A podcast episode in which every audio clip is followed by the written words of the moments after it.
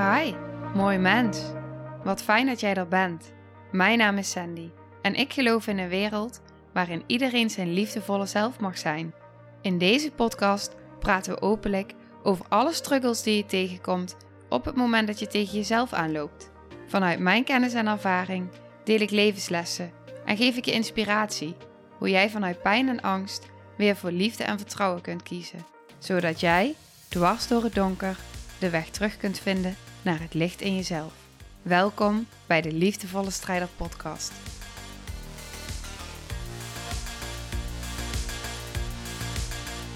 Dag lieve jij. Deze aflevering van vandaag gaat over zelfwaardering. En ik wil beginnen met een vraag. De waarde die jij jezelf toekent.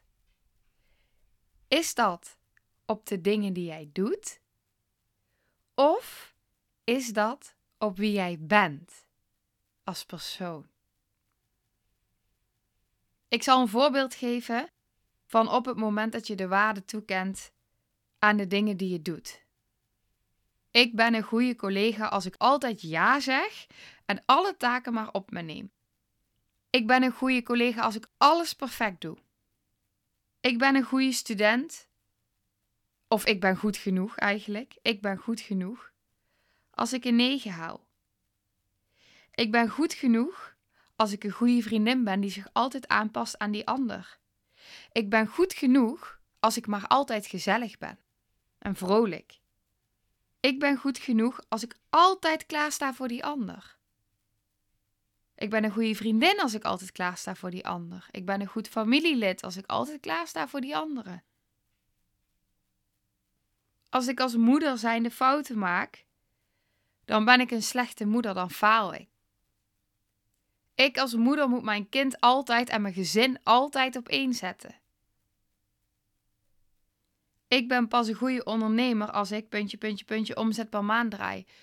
Ik denk dat je de clue wel snapt nu. Ik ben goed genoeg als. Maar wat zeg je dan tegen jezelf? Welke waardering ken jij jezelf dan toe op het moment als één of meer van die dingen niet lukken? Wat als het even tijdje niet meer lukt om je werk uit te voeren? Wat als je even een tijdje minder goed in je vel zit en je niet meer de moeder kan zijn die je daarvoor was, of niet meer de vriendin kan zijn die je daarvoor was, niet meer de dingen kan doen die je normaal deed? Wat dan? Wat als dat wegvalt? In feite al die doen dingen. Ik herken ze. Ik herken ze bij mezelf, ik herken ze, ik zie ze bij anderen, ik zie ze in sessies terugkomen. Het is een patroon. Een patroon om altijd maar voor iedereen klaar te staan. Om je altijd maar aan te passen aan die ander. Om altijd precies te weten wat die ander nodig heeft. Misschien weet je wel beter wat die ander nodig heeft boven wat jij nodig hebt. Misschien cijfer je jezelf zo ver weg. Alles voor die ander. Maar wat kost dat je? Aan energie. Om altijd maar weg te bewegen van wie jij bent. Want dat is wat er eigenlijk gebeurt. Je beweegt weg van jezelf. Op een diepere laag zeg je eigenlijk tegen jezelf: Ik moet het heel goed doen in acties. Want dan heb ik het gevoel dat ik ertoe doe. Dat ik goed genoeg ben. En daaronder zit angst. Voor afwijzing, om te falen, om niet goed genoeg te zijn, zoals je bent. Op het moment dat bij mij alles wegviel om mij heen, dus dat ik niet meer naar de sporten kon gaan die ik deed, dat ik geen leuke activiteiten meer kon ondernemen, dat mijn werk wegviel, dat mijn sociale contacten moeilijk te onderhouden waren. Op dat moment ging ik al in een soort van isolatie, omdat ik het niet meer kon.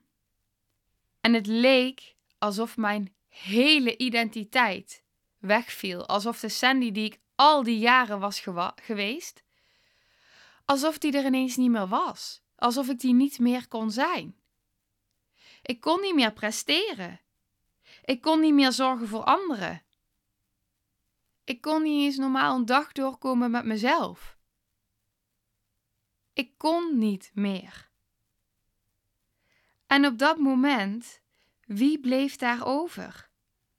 Wie was ik nog? Wat betekende ik nog?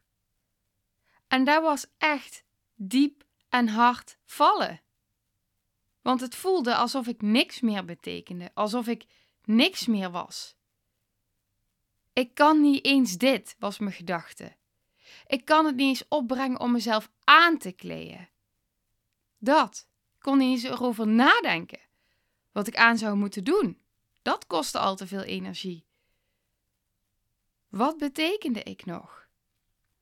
Maar juist door even hard en diep te vallen, werden daarna mijn ogen geopend. En besefte ik dat het niet gaat om het doen. Dat ik mijn eigen waarde niet hoef af te hangen van de dingen die ik doe, maar dat het gaat om het zijn. Van wie ik ben als persoon.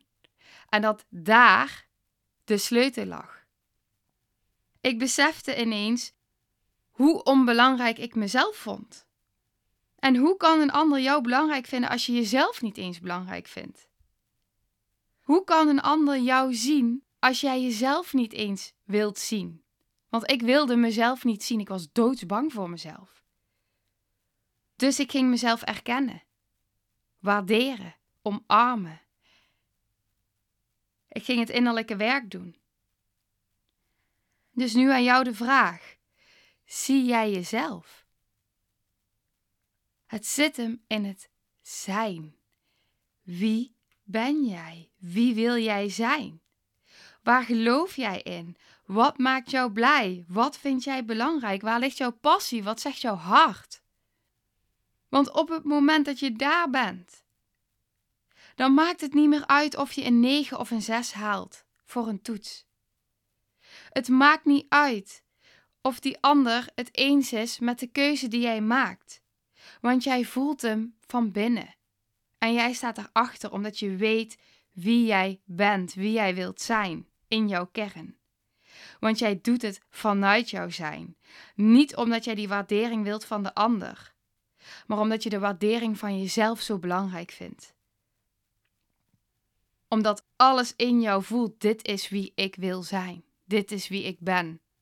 En vanuit daar komt de buitenwereld om mij heen. Van binnen naar buiten, in plaats altijd maar naar buiten, naar buiten, naar buiten bewegen. Eerst naar binnen bewegen.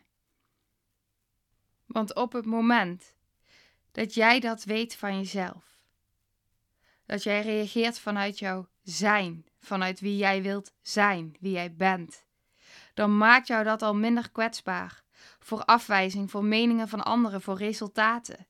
Want de enige die jou die waarde kan toekennen, dat ben jij.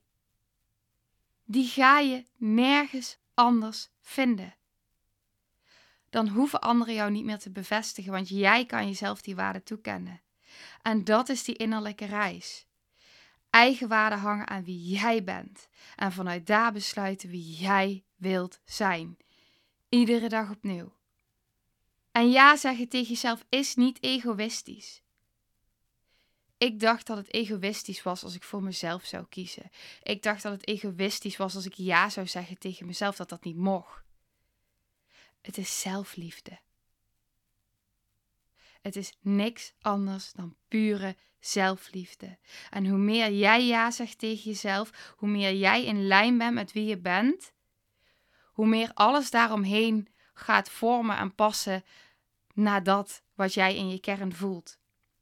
En juist daar inspireer je anderen mee. En het begint hier, nu, met een besluit. Want op het moment dat jij jezelf die waarde gaat toekennen, dan zul je zien dat je steeds meer gaat groeien in dat proces. En dat je stapje voor stapje voor stapje steeds meer gaat geloven dat jij al goed bent. Alleen al omdat je bestaat, omdat je er bent. Als jij gelooft in jezelf, zul je zien dat anderen ook geloven in jou. Anderen zijn een spiegel voor jou. Zij reflecteren dat wat jij van binnen ziet in jezelf. En hoe meer jij je gaat verbinden met jezelf, hoe meer bewust jij wordt, hoe meer je ook echt voor jezelf durft te gaan kiezen en jezelf te laten zien. Want dat ben je waard. Jezelf laten zien, precies zoals jij bent. Je bent fantastisch zoals je bent. En ik heb een paar tips voor je. Allereerst, nummer 1.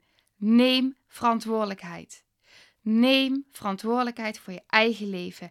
Jij kunt richting geven aan je leven. Jij bent de bestuurder. Als jij dat niet doet, zullen anderen sturen en besef je aan het einde van jouw leven dat je nooit je eigen leven hebt geleefd. Dus neem die verantwoordelijkheid voor alles. Voor alles in waar je nu staat, voor alles wie je bent, voor waar jij in gelooft. Het begint altijd met verantwoordelijkheid nemen voor je eigen leven. Als tweede, onderzoek jezelf. Wat vind jij belangrijk? Waar word jij blij van? Wat zijn je persoonlijke waarden? Ik heb het ook al in aflevering 13 opgenomen. Wat zijn je persoonlijke waarden? En ik denk dat die aflevering je hierbij zou kunnen helpen. Wie wil jij zijn? En nummer drie. Stel doelen. Doelen die passen in wat jij belangrijk vindt. En dat kan bijvoorbeeld al een doel zijn dat je je meningen gaat delen met een ander. Of dat je in een teamvergadering op het werk een keer iets durft te zeggen. Dat was voor mij jaren geleden echt een pittig doel. Dat ik een keer in een teamvergadering mijn stem durfde te laten horen. Dat is al heel lang geleden, maar ik, ik herinner hem nog als de dag van gisteren omdat die zo belangrijk voor mij was. Ik durfde het niet, want wat als ik iets fout zou zeggen? Wat als ik iets zou zeggen waar de rest het mee oneens was? Of wat ze misschien wel dom zouden vinden? En heel af en toe dan durfde ik ertussen te komen. En ik vergeet nooit meer dat een collega toen tegen me zei: Ja, Sandy, je zegt niet veel in een vergadering. Maar als je dan iets zegt, dan is het altijd van zo'n grote waarde. En die ben ik nooit vergeten. Die ben ik nooit meer vergeten.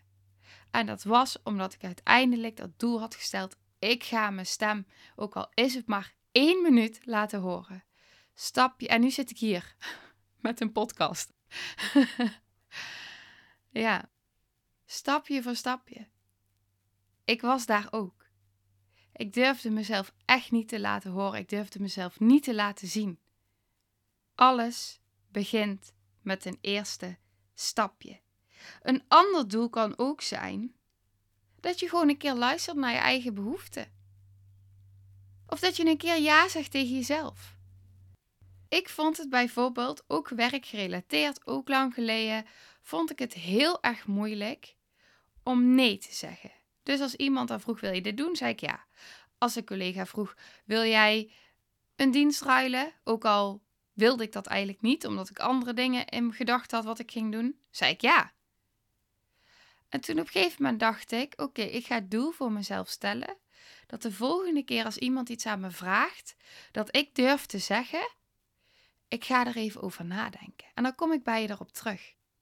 En dat zinnetje, dat doel maakte zoveel verandering, want ik gaf mezelf ruimte om na te denken of ik ja of nee wilde zeggen. Dat kon ik even bij mezelf gaan voelen. Dat was zo'n groot verschil. Dus neem deze mee. Mocht je jezelf hierin herkennen, neem ze mee. En als laatste, als laatste punt, nummer 4. Zet een intentie. Ik doe dat best wel vaak. Ik zet best wel vaak een intentie.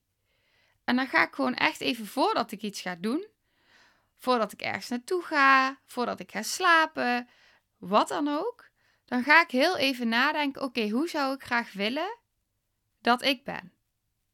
Daar denk ik dan even over na. Dan zet ik de intentie. En met dat gevoel stap ik datgene in. En het helpt ook echt om daarna terug te keren. Als je dan in een situatie zit en je hebt even het gevoel van: oh jee, ik, uh, ik vind het spannend of wat dan ook. Dan denk je terug aan die intentie en denk je, dit was de intentie. Ja, dit is het. En dan ga je weer terug naar dat gevoel. En mij helpt dat enorm, dus ik denk, ik gooi hem er gewoon in. En wie weet helpt die jou ook. Nou, ik hoop dat je hier iets mee kan.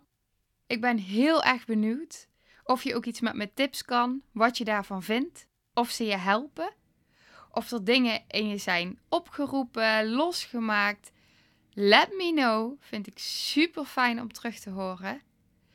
En dank je wel, dank je wel voor het luisteren. En ik wens jou een hele fijne dag.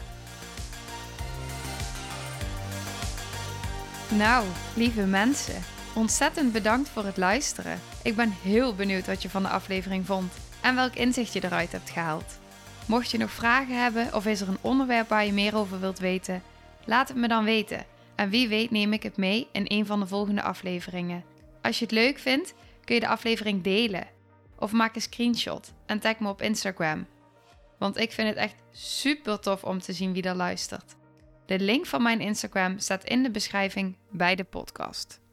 En wil je blijvend geïnspireerd worden? Klik dan op abonneer of volgen in de podcast-app waarmee je luistert. Dat zouden ik en alle toekomstige luisteraars enorm waarderen. Want dat zorgt er namelijk voor dat de podcast beter gevonden wordt. Nogmaals, dankjewel voor het luisteren en heel graag tot de volgende aflevering.